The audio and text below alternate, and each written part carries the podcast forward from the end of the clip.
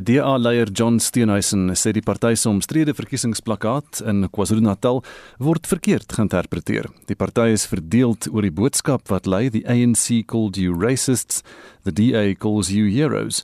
Sommige in die party dring daarop aan dat die party om verskoning moet vra.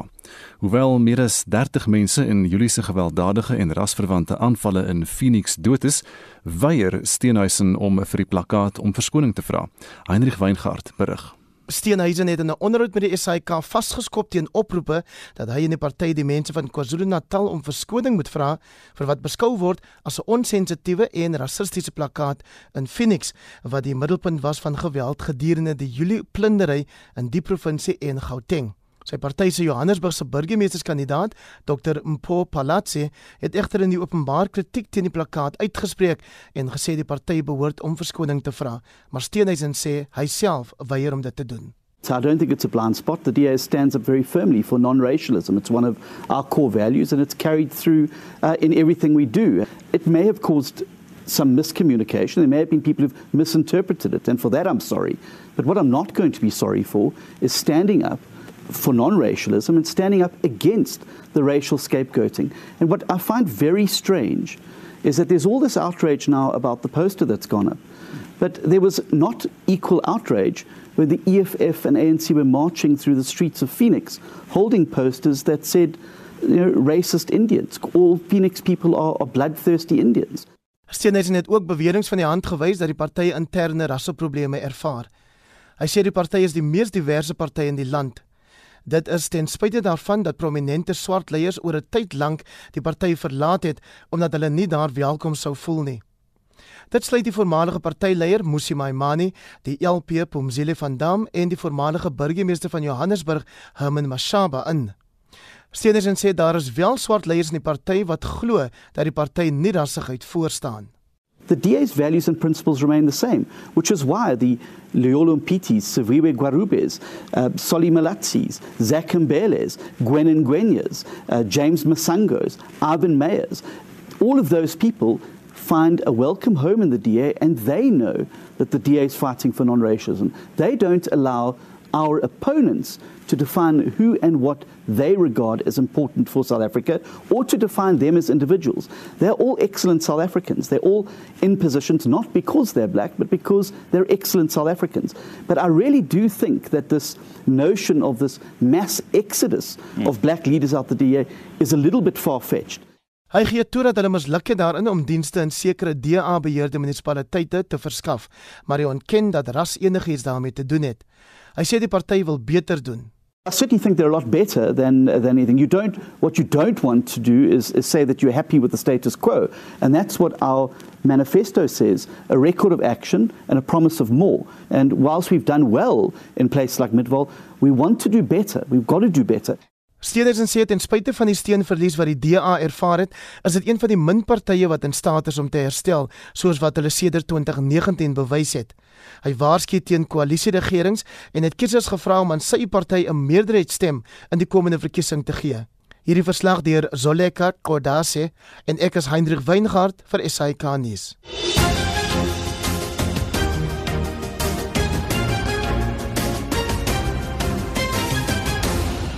16 oor 7 by Monitor op RSG die Verenigde Nasies se 26ste konferensie oor klimaatsverandering kortliks bekend as COP26 vind eh, tussen 31 Oktober en 12 November verjaar onder voorsitterskap van Brittanje in Glasgow in Skotland plaas.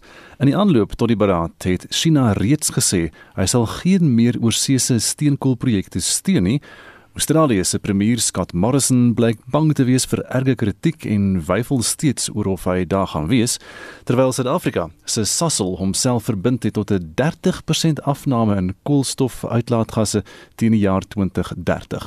Vir meer konteks hieroor praat ons nou met professor François Engelbrecht van Wits Universiteit se Global Change Institute môre. Goeiemôre Anita en Gustav. Fransjo net gister het die nie-regeringsorganisasie Center for Research on Energy and Clean Air Eskom aangewys as die wêreld se grootste sondebok as dit kom by swaweldioksied uitlaatgasse. Nou die syfer vir 2019, nie dis 'n bietjie tegnies, maar jy sal dit verstaan, is 1,1000 Nou klink ek so soema.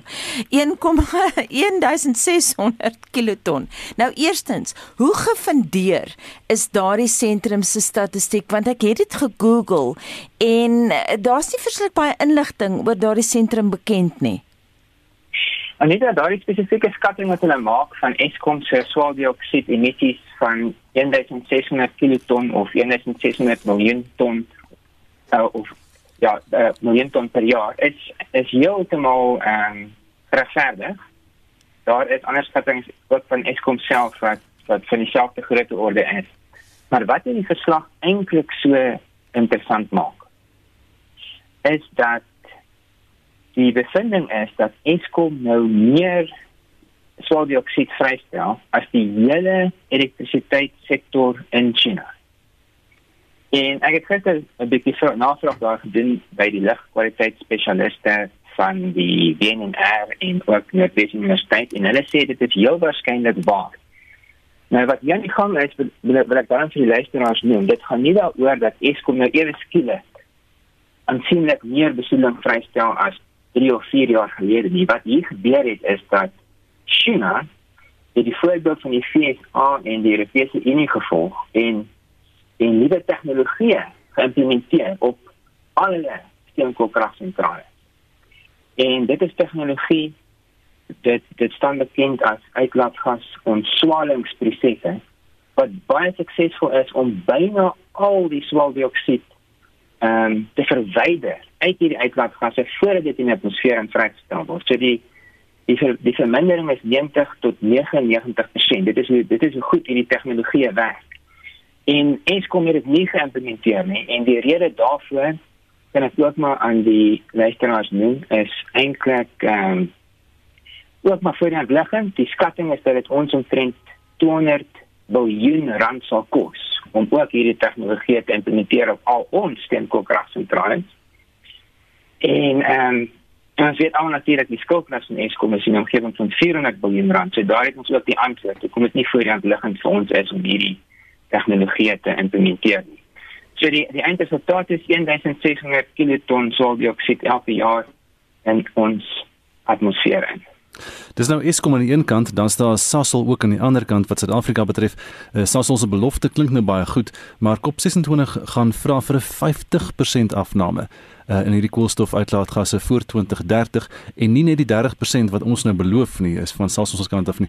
Wat dink jy van Sasol se se poging Ek dink dit is eerstens ehm um, konsistent met wat Suid-Afrika nou onderneem het in die aanloop van hierdie 26ste konferensie van die partye wat in Desember gaan plaasvind. So as ons kyk na Suid-Afrika se verbintenis, dan is dit ook tot soveel as 'n 30% vermindering van koolstofdioksied emissies teen 2030. Dit is nou dwars oor al ons sektore. En dit is eintlik die positiewe skatting van Suid-Afrika, die die meer negatiewe deel van ons skatting is 'n verlaging aan emissies van so min as 10%. So as ons so 'n aanneming van 30% is is is beslis baie meer ambisieus as waar toe hulle hulle self nog ooit na verbind het. Die vraag wat ons moet vra, hoe realisties is? Ehm um, Sasol kan ook ongelooflike groot beleggings nodig hê om hierdie vermindering te bewerkstellig.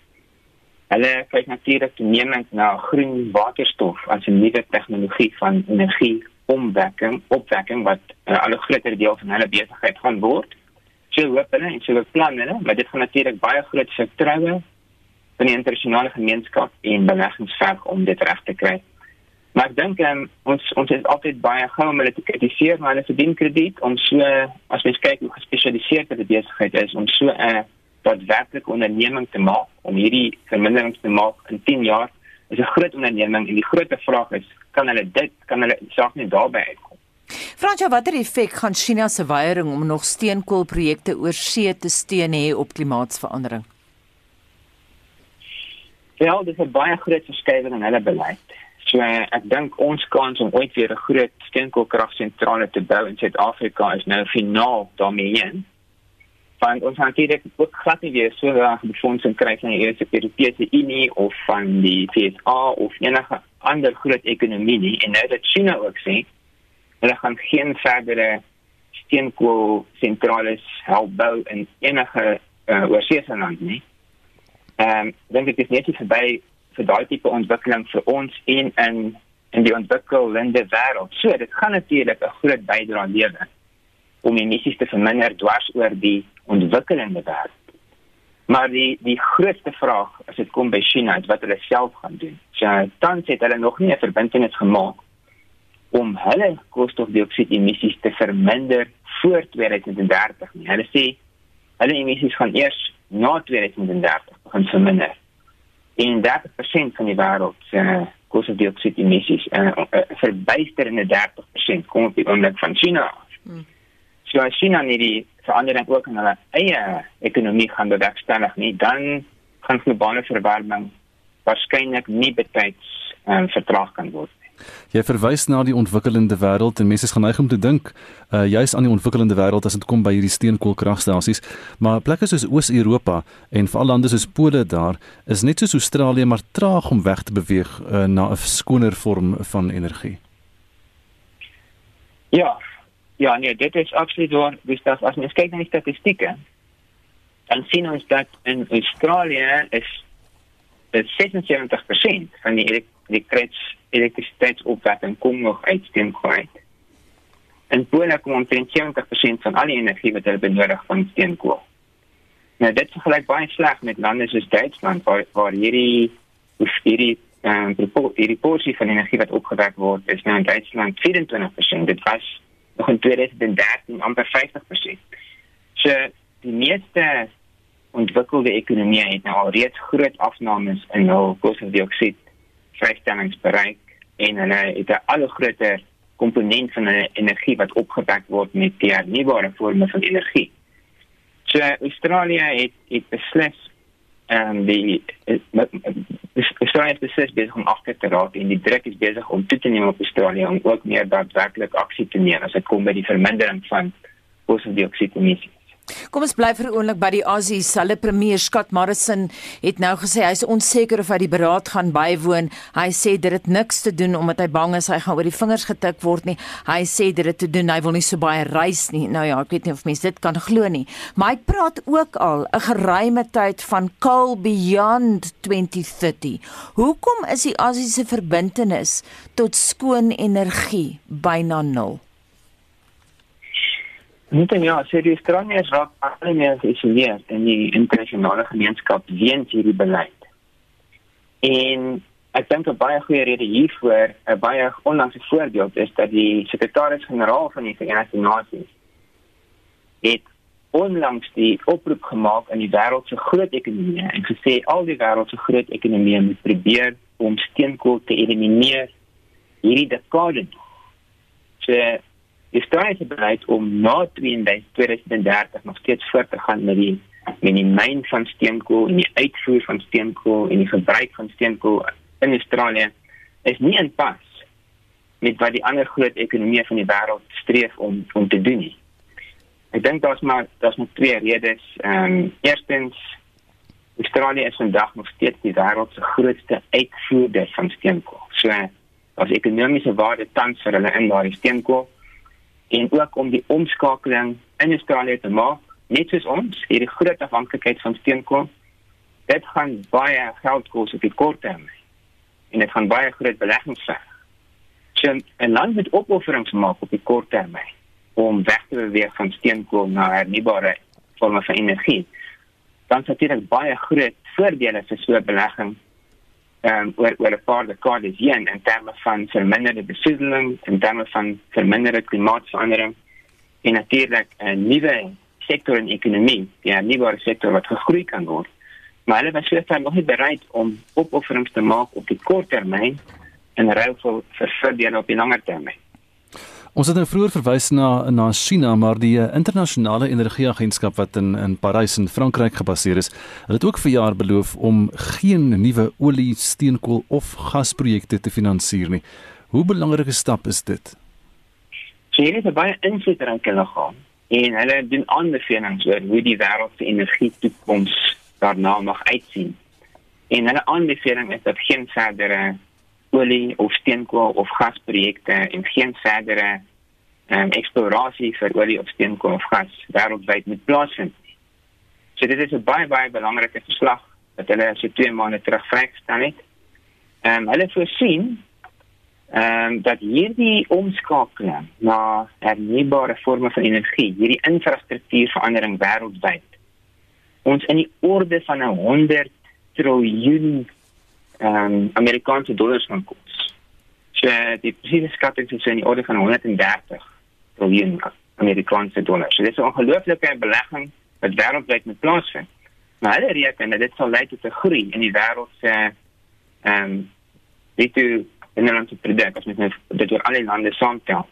Dan omtrent 0.4% per jaar. So hulle verwag eintlik groot ekonomiese groei as gevolg van hierdie investering in 'n nuwe energie sektor. Ander belangrike bevinding wat hulle gemaak het of aanbevelings, hulle beveel aan dat daar byvoorbeeld geen verdere binnebrand engine passasiersmotors hmm. verkoop moet word van 2035 af. Dink 'n bietjie oor wat dit beteken vir Suid-Afrika. Hmm. Brittanje is nou die gasheerland en behoort die toon aan te gee by Glasgow. Premier Boris Johnson het nou die afgelope tyd baie te sê oor aardverwarming, maar hoe lyk sy rekord? Dit voel vir mense so half asof hy in die aanloop tot 'n verkiesing is. Jy weet skielik praat hy vreeslik baie oor die omgewing. Maar dit was nie sy patroon in die verlede nie, of hoe François? Ja, ek kan nog graag sê dit. Ek sien byvoorbeeld dat die Verenigde Koninkryk nou op pad is daarna om by hierdie op, opkomende groot Verenigde Nasies klimaatskonferensie die mees ambisieuse verbintenis te maak van alle lande wat teenwoordig gaan wees, naamlik 'n uh, afname in koolstofdioksiedemissies van 78% in 2035 relatief tot al 1990 emissievlak. So dit is 'n ongelooflike sterk verbintenis. Maar wat ek wat ek aan die positiewe kant moet sê, is dat die Verenigde Koninkryk is ook een van die lande wat sover die mees suksesvolste is om koolstofdioksied emissies te verminder. En die afname wat hulle teen 2019 bewerkstellig het, was 40%. Relatief tot die 1990 vlakke. Beter is die meeste ander lande. En as mens die die COVID-19 effek byreken wat ek dink wat is Johnson ook maar al te graag doen. Is dit meer as 50% afname in 2020, maar ons moet dit toegee. Hulle was hulle was seker een van die wêreldleiers as dit kom met die vermindering van emissies. Ja. So ek kan met 'n mate van vertroue die die Verenigde Nasies vergadering tegemoet gaan. Dit was 'n fascinerende Johnson voor die VN se algemene vergadering ook gesê die mense moet die lande moet groot word oor hierdie kwessie. Net vinnig laastens, dis nou 2 weke voor die Glasgow COP26. Wat wat dink jy gaan die beraad oplewer? Is jy positief? Daar's daar's momentum soos nooit van tevore nie. As ons as ons kyk na hoeveel van die vorige berade misluk het is daar hierdie keer baie positiewe momentum in die proses. En dit gaan daaroor dit gaan nou die mees onlangse positiewe verwikkeling is hierdie onderneming van China om geen verdere steenkoolkragsentrale um, oor see te befonds nie. So China maak nou ook 'n baie baie sterk verbintenis vir hierdie konferensie En ek dink wat ons kan verwag is ten minste 'n uh, nuwe pakt in klimaatsverandering waar vyf van die wêreld se groot ekonomieë formeel die onderneming gaan maak om hulle koolstofdioksied emissies te halveer. Dis nou relatief tot onlangse vlakke in die jaar 2030 en dit gaan wees die FSA, die Verenigde Koninkryk, die Europese Unie, Japan en Suid-Korea. So ek dink dit is baie duidelik dat hulle daai verbintenis gaan maak. En dan gaan hulle ook sê teen 2050 gaan hulle net zero emissies bereik in hulle ekonomie. Nou die groot vraag is en wat hierdie konferensie werklik ehm um, die die groot deurbraak kan maak is as China iets soortgelyks onderneem. Nou dan is hierdie onderneming van dat hulle koolstofdioksied emissies sal aanhou toeneem tot in die 2030 'n uh, groot bron van kommer ek dink as ons dink aan klimaatsverandering wêreldwyd. En sover het hulle darm al die verbintenis gemaak om teen 2060 al al ekonomie koolstofneutraal te hê. Maar as as China ook nog 'n sterker verbintenis maak, dan dink ek gaan ons die sterkste klimaatpakt ook ooit hê. En ons gaan 'n baie groot swaai in momentum sien ten gunste van die hernubare energie sektor En dit is ook iets wat Suid-Afrika sal kan voordeel trek. So uh, ons sal ons sal kyk wat gebeur vroeg in November. François baie dankie professor François Engelbrecht van Wits Universiteit se Global Change Institute. Heinrich hier die vloer. Ons wil weet wat dink jy behoort te gebeur met die skoolstelsel om kinders beter toe te rus vir die werksplek want die president sê soos ons almal weet is die werkloosheid onder jong mense nog baie erg en hy wil weet wat stel jy voor watter aanpassings aan die onderrigstelsel gemaak moet word. Ons het hier 'n hele paar boodskappe van luisteraars wat reken ambagte tegniese skole, tegniese vaardighede, dit is die weg vorentoe. Die boodskappe van Kali Baans van Susanna Kreer, Elsa van Staden Joubert uh Kobus um Elise sê dat daar moet ook gekyk word na kursusse in sê nou maar quick books of pastel vir beginners sodat as die kinders uit die skool uit gaan dan het hulle daarom daai soos wat hulle dit noem basics. Um Sydney Arends sê ook tegniese skole sowel as Adri Grobler en Martie Brits sê daar moet ook meer aandag gegee word aan besigheidsrigtings en dan het ons hierdie stemnoters ontvang. Ek het met die stelsel met ek groot geword. Dit werk soos 100% aanlegtoetse. Moet die kind skryf, die leerder moet aanlegtoetse skryf. Die fasiliteit moet geskep word. Dan kyk jy in watter rigting die kind belangstel. Dit werk en dan lei jy die kind op. So maklik soos dit. Ek wil die jeug motiveer. Doen julle skool klaar, kry klaar met skool. Ek weet dit is moeilik en dit gaan nie goed nie. Uh COVID het 'n groot invloed gehad met die vordering, maar kry die wiskunde en wetenskap onder die knie en kry matriek en gaan dan en uh, gaan werk vir 'n instansie soos op 'n myn of waar ook al daar 'n geleentheid is om 'n sekere dienstyd in te sit. Goeiemôre, dis Tommy. Ek dink die kinders moet meer life skills geleer word, byvoorbeeld soos gebouwerk en carpentry en ander ander soorte werk. Almal is nie be, bevoeg om lawyers en al die advokate te word. Dan. En dan 'n laaste anderste voorstel van Christa Potgieter wat sê die eerste beroep op aarde bewerk die grond, daar het dit alle ander beroepe ontsprei kosplant. Elke klas moet 'n tuintjie by die skool maak. Graad 1 byvoorbeeld spinasie, graad 2 wortels en so voort. Kinders moet fisies kan werk, ook gesond. Dis ook gesond vir kinders uh, na liggaam en gees. Die mening daarvan Christa Potgieter. Jy kan nog met ons saamgesels tot net so voor 8 uh, deur vir ons SMS te stuur na 45889 dit kos jou 51 elk dan weet jy jy kan ook 'n draai maak op die Monitor en Spectrum op RSG Facebookblad of jy stuur vir ons 'n kort stemnota na 076 536 6961.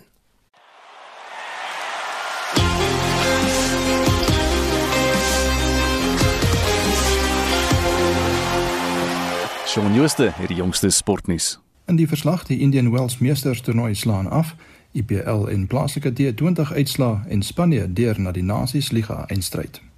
Op die tennisbaan het die Indian Wells Meesters toernooi vir mans en vroue spelers gisteraand naby Palm Springs in Kalifornië begin. Suid-Afrika se Kevin Anderson stap vandag in die eerste ronde teen Jordan Thompson van Australië op die baan uit. Lloyd Harris is nommer 26 vir die toernooi en sal eers in die tweede ronde in aksie wees. Die Rus Daniel Medvedev en die Tsjeeg Karolina Pliskova is die eerste gekeerde mans en vroue spelers. Op die cricketveld het die Royal Challengers Bangalore hulle IPL wedstryd in die Sunrisers Hyderabad gister met 4 lopies verloor. Hulle bly derde op 16 punte en is verseker van 'n plek in die top 3. Die laaste rondom daardie wedstryde begin vandag. Die Chennai Super Kings en Punjab Kings se mekaar vanmiddag 12:00 en die Kolkata Knight Riders en Rajasthan Royals mekaar vanmiddag 4:00 die stryd aan.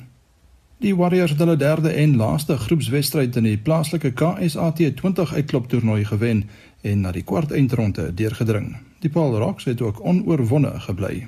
Die groep C wedstryde word oor die naweek afgehandel en ons wag om te sien wie die laaste twee spanne sal wees om na die volgende ronde deur te dring. Sokker. Spanje het Italië gisteraand in die halfeindstryde van die Nasies Liga toernooi met 2-1 geklop en hulle plek in die eindstryd verseker. België en Frankryk pak mekaar vanaand kwart voor 9 vir die kans om Spanje in die eindstryd aan te vat. Die halfeindstryde van die vroue Kusafa beker toernooi word vandag beslis. Zambia speel 12:00 teen Tansanië en Banyana Banyana vanmiddag al 4 teen Malawi. Beide wedstryde vind in Kaberga plaas.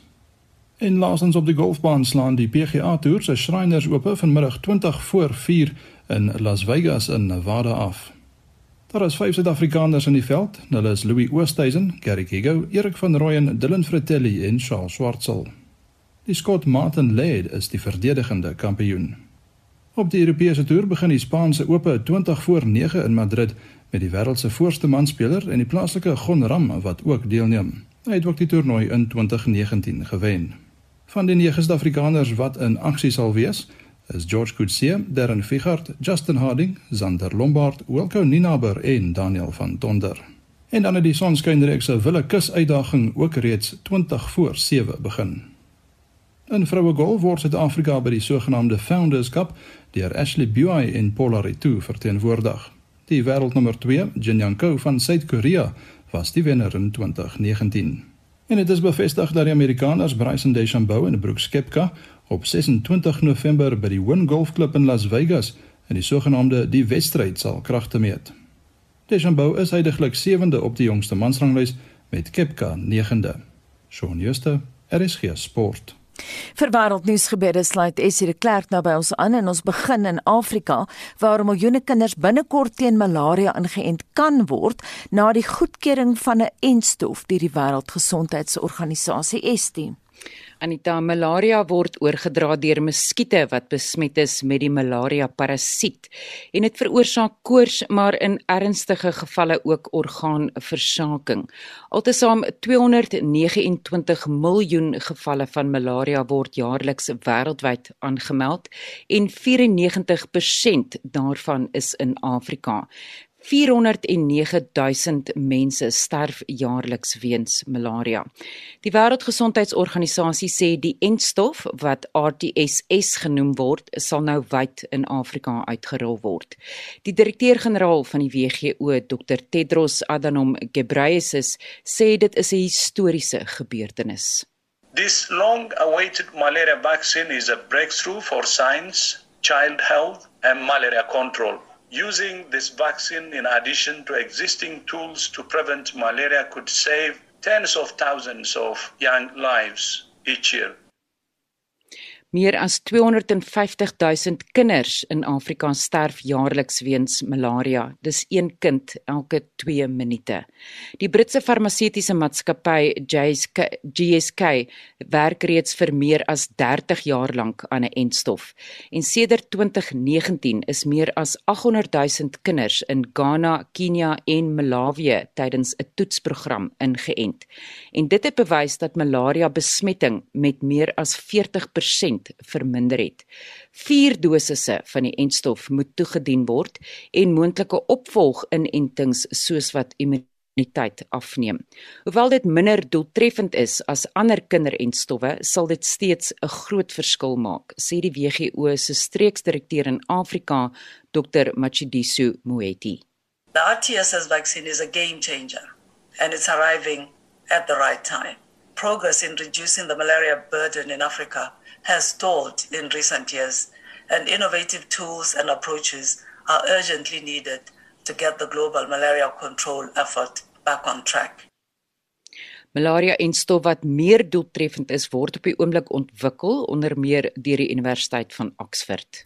En nou verskuif ons die fokus na die FSA waar die staatskas binne 2 weke gaan leegloop tensy die Amerikaanse Kongres ten gunste daarvan stem om Amerika se skuldlas te verhoog. En dit sal die Amerikaanse tesourier in staat stel om meer geld te leen en ook om sy skuld te kan vereffen maar die Republikeine stamp koppe met die Demokrate oor hoeveel geld president Joe Biden in sy herstruktureringsplanne kan instoot en die stem om die skuldlas te verhoog is vereers op ys geplaas. Die Demokrate het 60 stemme in die Senaat nodig en het dus die ondersteuning van die Republikeine nodig. Die BBC se Naomi Iqbal het meer besonderhede. Today, Mitch McConnell, the Senate Minority Leader, did indicate that uh, the Republican senators were willing to suspend the debt ceiling to a fixed dollar amount, which would cover spending until December. So that's what they're offering. We don't know for sure yet if the Democratic Party will take up that offer. They are probably likely to, but all it means is that it just kicks it down the road and the, the Democratic Party will find itself in the same nightmare, I guess, in December. Die stem daar van die BBC verslaggewer Naomi Ekbal. En ons bly in die FSA waar die hof prins Andrew toegang gegee het tot 'n verseelde dokument. Sy regspan meen nou die dokument is die sleutel om die siviele saak van seksuele teistering teen hom uiteindelik tot 'n einde te bring. Die saak van seksuele teistering teen Prins Andrew is deur Virginia Giuffre aanhange gemaak. 'n Regter in die FSA het toestemming gegee dat 'n ooreenkoms wat aangegaan is tussen Giuffre en die veroordeelde seksmisdadiger Jeffrey Epstein met Prins Andrew se regspan gedeel kan word. Giuffre se regspan meen egter die dokument sal geen verskil maak aan Prins Andrew se saak nie. Die 61-jarige prins Andrew het deurlopend die beweringe teen hom ontken. Die 38-jarige Geoffrey beweer sy is seksueel aangerand deur prins Andrew by 3 plekke insluitend in New York stad. En dit was Essie de Klerk met 'n oorsig van vandag se wêreldnuus gebeure. 14 minute voor 8 by Monitor op RSG en ons het vroeër die week verwys na die verlies aan reuk weens COVID-19.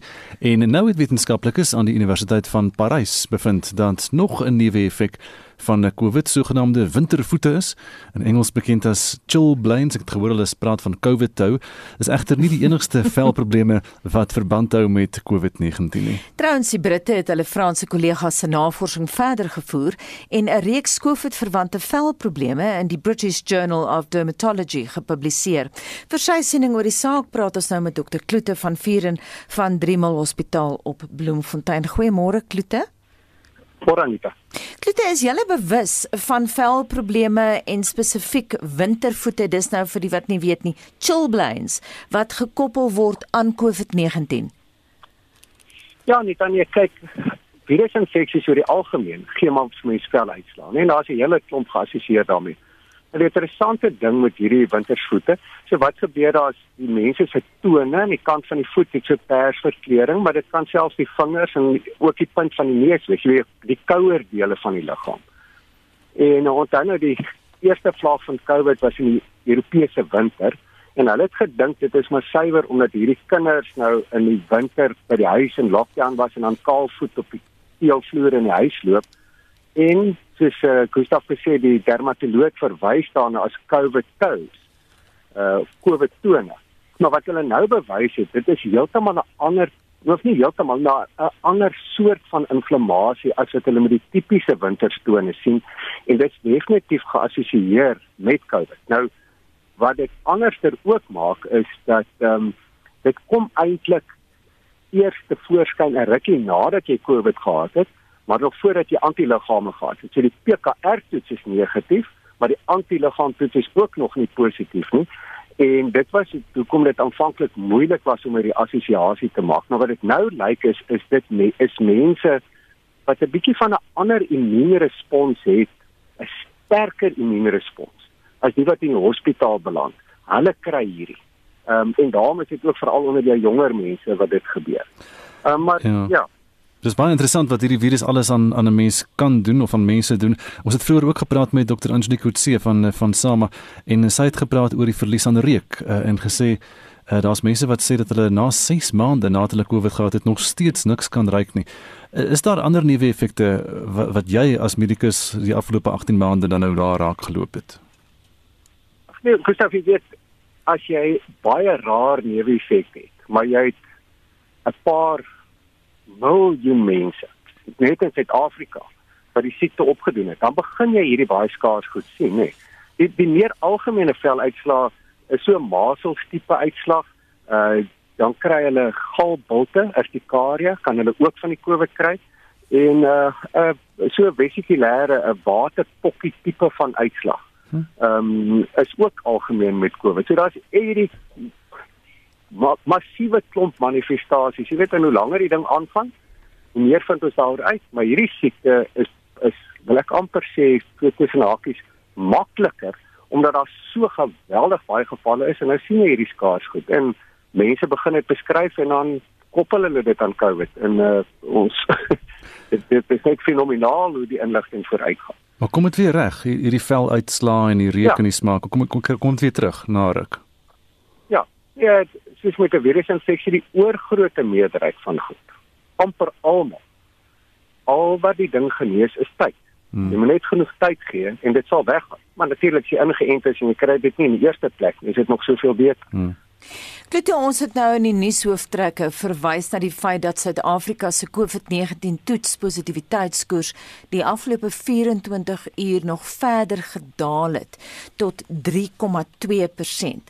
Nou terselfdertyd was Monitor se luisteraars vra gister geskoei oor die vlak 1 inperking hoe mense dit hanteer en luisteraars het ons laat weet hulle gaan troues hou en bywoon, hulle gaan makketie hou maskerloos.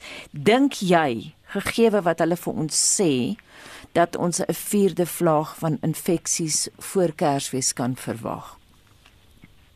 Anita, nee, ek het nog nooit met 'n kristalbal in my hand gesit nie en ek gaan dit ook nie nou probeer nie. Maar ek meen ons het nou hoeveel keer in die verlede uh voorspellings gemaak dat hier's nou genoeg immuniteit, daar's genoeg mense wat geïnfekteer is en nou is dit verby en ons gaan dit nie weer sien nie en ons het elke slag op ons neuse gekyk, nee. En wat mense ook moet onthou, uh met eksponensiële groei, is eksponensiële groei begin baie stadig. En dan tel dit momentum op en dan net in die einde ruk dit heeltemal hande uit. So jy kan lank voor die tyd sien dinge begin toeneem. So ons is nou op hierdie wel, noem dit eksponensiële afname. Net dit word geleidelik minder en minder en minder. En dit is fantasties. En jou kans om nou aan te steek as jy 'n klomp mense is baie minder, want die kanse dat daar iemand is met die siekte is gering. Maar as jy dan weer begin geleidelik optel en dit gaan gebeur sodra mense weer saamdrom en soos jy sê nou met troue sou maar tipies gaan jy sien dat dit stadig optel en die probleem is dat hierdie stadig optel sê mense nog steeds ag nee wat daar gaan niks aan nie. En dan die volgende oomblik ruk dit aan. Ek sê so uh, ek ek is seker die regering sal baie fyn hulle vinger op hierdie pols hou. En ons sal moet sien. Ek meen die verkiesing is hier en hulle moet dinge bietjie ligter maak om die verkiesing te kan bedryf en ons sal sien wat die impak daarvan ook is en as dit nie 'n groot genoeg impak het nie, wanneer skool skoolvakansie begin en dit is wat ons verlede jaar gesien het. Jy weet, dit is waar die ding weer lekker goed vlam gevat het. Maar hierdie keer is daar nou 'n klomp mense ingeënt. Um, mense wonder of daar genoeg ingeënt is om om die vlaag dan nou half onder beheer te kry. En en wat maak 'n mens uh, om mense te oortuig om in te ent want jy het ervaring daarvan? Ja, dit Gustaf, ehm um, die inenting gaan vers, beslis 'n verskil maak, maar as jy kyk die persentasies wat van ons wat ingeënt is, uh, gister het hulle gesê in die Weskaap van hulle oueres 65, dink ek is amper 69% ingeënt en dis jou mense wat die hoogste risiko het, nê. Nee. En dit gaan 'n groot verskil maak. As jy na die jonger ouderdomsgroepe gaan, is ons baie ver van uh, wil ek sê beskermde uh, uh kudde immuniteit. En ek dink jy weet Gustaf as ek een ding kan sê is mm. Doen die beste vir jouself. En as jy self na jouself gekyk het en jy het die vermoë, kyk na iemand anders ook. Mm. En wat dit meer kom is, dit ek het op die oomblik 'n pasiënt wat ons betrokke is by wat op chemoterapie is. En die tipe chemoterapie maak eintlik dat jy nie kan antiliggame uh maak teen enige enstof of COVID nie en uh, hy het homself van dit inent en ek kan dit nou so half onder die tafel sê op 'n manier ehm um, het hulle by die inentingsplek leë botteltjies bymekaar gemaak en daai laaste bietjie uitgetrek en hom nog 'n dosis ekstra gegee. Uh en ten spyte daarvan het hy nou COVID opgedoen. Hm. En uh ons plig is om hierdie mense wat al gaan eintlik in en nie kan antiliggame maak nie, hulle te beskerm deur self in te en sodat ons hulle nie aansteek nie. Hmm. Ek meen die inentings uh almal praat van dit is nie so effektief nie en daar's deurbraak infeksies maar onthou selfs as dit 40% effektief is, het dit 'n massiewe impak op die veelheid mense wat ander aansteek. Uh as jy daai somme maak, dis net ongelooflik. Dis hierdie eksponensiële groei wat enige finansiële adviseur jou oor jou posisie sal ook van vertel. Hmm. Um en en dit is ons plig nie. Kyk na jouself En as jy die vermoë het, kyk ook na iemand anders. Ons is tog 'n gemeenskap. Ons is nie net individue nie. Ons sorg vir mekaar of ons nou by 'n kerk betrokke is of in 'n taalgemeenskap behoort of in 'n skoolgemeenskap. Ons sien om na mekaar. Mm -hmm. En 'n manier om na mekaar om te sien is om in te dink al gaan jy nie die een wees wat ernstig siek word nie. Klote net 'n laaste vraag. Ek weet jy is nou gevra om te praat met soldate wat skugter is vir inenting. Wat is hulle grootste beswaar? Weet jy nie dat dit is nie regtig 'n beswaar nie. Dit is meer hierdie ehm um, al hierdie fopnuus wat rondgaan. Jy weet, ek gaan impotent word as ek dit kry. Nou om vir jong soldaat dit te vertel. Jy weet, jy maak seker dat hy nie sy voet oor daai kliniese drempel sit nie. Dit stories wat rondloop van maar iemand in die groep hierso vertel van iemand wat in hulle straat ingeënt is en toe dood. Ons weet dit is nie waar nie, maar mense hou aan om hierdie stories te vertel. Jy weet jy het self gerapporteer dat al hierdie gerapporteerde sterftes is ondersoek en hulle kon nog nie sterftes aan die vaksin in Suid-Afrika koppel nie. Maar mense hou aan om die stories te vertel. En ek moet sê wat ek verstom is hoor, as jy mens net 'n bietjie die regte inligting uitgee, ons het uh jy weet uit 'n groep van 800 uh, eh, soldate waar daar omtrent amper geen wou gaan. Ons het uit 201 gekry wat wou in, gaan in het. Deur 'n rukkie te gesels en 'n paar vrae te antwoord, het ons nou uh die laaste 3 dae dink amper 600 van hulle ingeënt. Hm. Dit is ongelooflik. Ek het pasiënte raakgeloop wat ouer as 60 is wat lankal ingeënt het en sy vra maar die kinders sê hulle moet gaan maar hulle is te bang. Sê ek luister gaan in het volgende loop ek by die kliniek verby hier staan die twee en dan weet so daar's nie daai bietjie aanhelp mense net so oor die drempel kry. En lyk my ten spyte van dat ons dink is daar nog steeds baie mense wat bereid is om te gaan. As jy dit net 'n bietjie makliker vir maak net so 'n bietjie 'n paar vrae antwoord. Die ding oor 'n naweek oopmaak waar mense wat van werk nie kan doen nie. My skoonseun sit ver oggend hierso ehm um, hy het gister sy tweede dosis gehad. Hy voel oes. Nou vir ou wat gaan werk ehm um, is dit 'n probleem. As jy dit op 'n Vrydagmiddag kan doen of op 'n Saterdagoggend en 'n neeweffekte oor die naweek het. Dit maak dit soveel makliker. En ek dink dit is die tipe van goed wat ons moet doen en ons moet maar net aanhou die julle gee die inligting weer ons hou aan en aan ons sal daar kom. Ek is seker daarvan Baie dankie en daai optimisme kom van die infeksiebeheer spesialist Dr Kloete van Vieren van Driemal Hospitaal op Bloemfontein. Heinrich, kom ons hoor vir oulaas wat sê die mense alles. In 'n skool sê hulle was so dom om colleges en praktiese opleiding uit te faseer. Nou wil die regering dit terugbring, red 'n volk. Mense kan nie die wiel herontwerp nie en hou op om so baie babas te kry. Johan Troeter sê kry eers die dissipline in skole reg. Geen onderwyser kan leerdlinge leer as al 90% van hul klastyd moet spandeer om stout kinders te beheer nie. Slegs een ongedissiplineerde in 'n klas skep uiters groot probleme. Die rotang is soms noodsaaklik. En dis 'n oud onderwyser wat o ja, Johan Troeter wat dit sê. En dan sê Louis Wessels, ehm um, lyfstraf behandel net die simptoom Trouwens dit vererger die reeds onderliggende trauma, emosionele pyn waarmee die kind worstel. Ek kon tot op hede nog geen vers of teks in die Bybel vind waar Christus lyfstraf gepropageer het nie. Ehm um, 'n laaste een hiervan Heila wat sê goeiemôre die kinders moet geleer word dat geen werk is 'n skande nie en leer hulle eers om rondom hulle self skoon te maak. Terwyl ons luisteraars terugvoer vir vanoggend, ons maak môre weer so. Is dit like uh, Spectrum se dagboek? Die vakbond SAPTO stel voor dat 'n glyskaal wat volgens werknemers se ervaring en opleiding bepaal word, ingestel word as die nasionale minimumloon. Die nasionale polisiekommissaris Kethla Setoli het na bewering 'n kennisgewing ontvang van 'n voorneme om hom te skors. Ons kyk hierna en dit is aartsbiskop Desmond Tutu se 90ste verjaarsdag vandag en ons bring hulde aan hom. Skakel in vir Spectrum tussen 12 en 1. En so kom ons aan die einde van ons program. Onthou vorige uitsendings van Monitor is op RSG se webblad beskikbaar as 'n potgooi. Jy gaan dan na rsg.co.za klik op uh, potgooi en op M vir Monitor.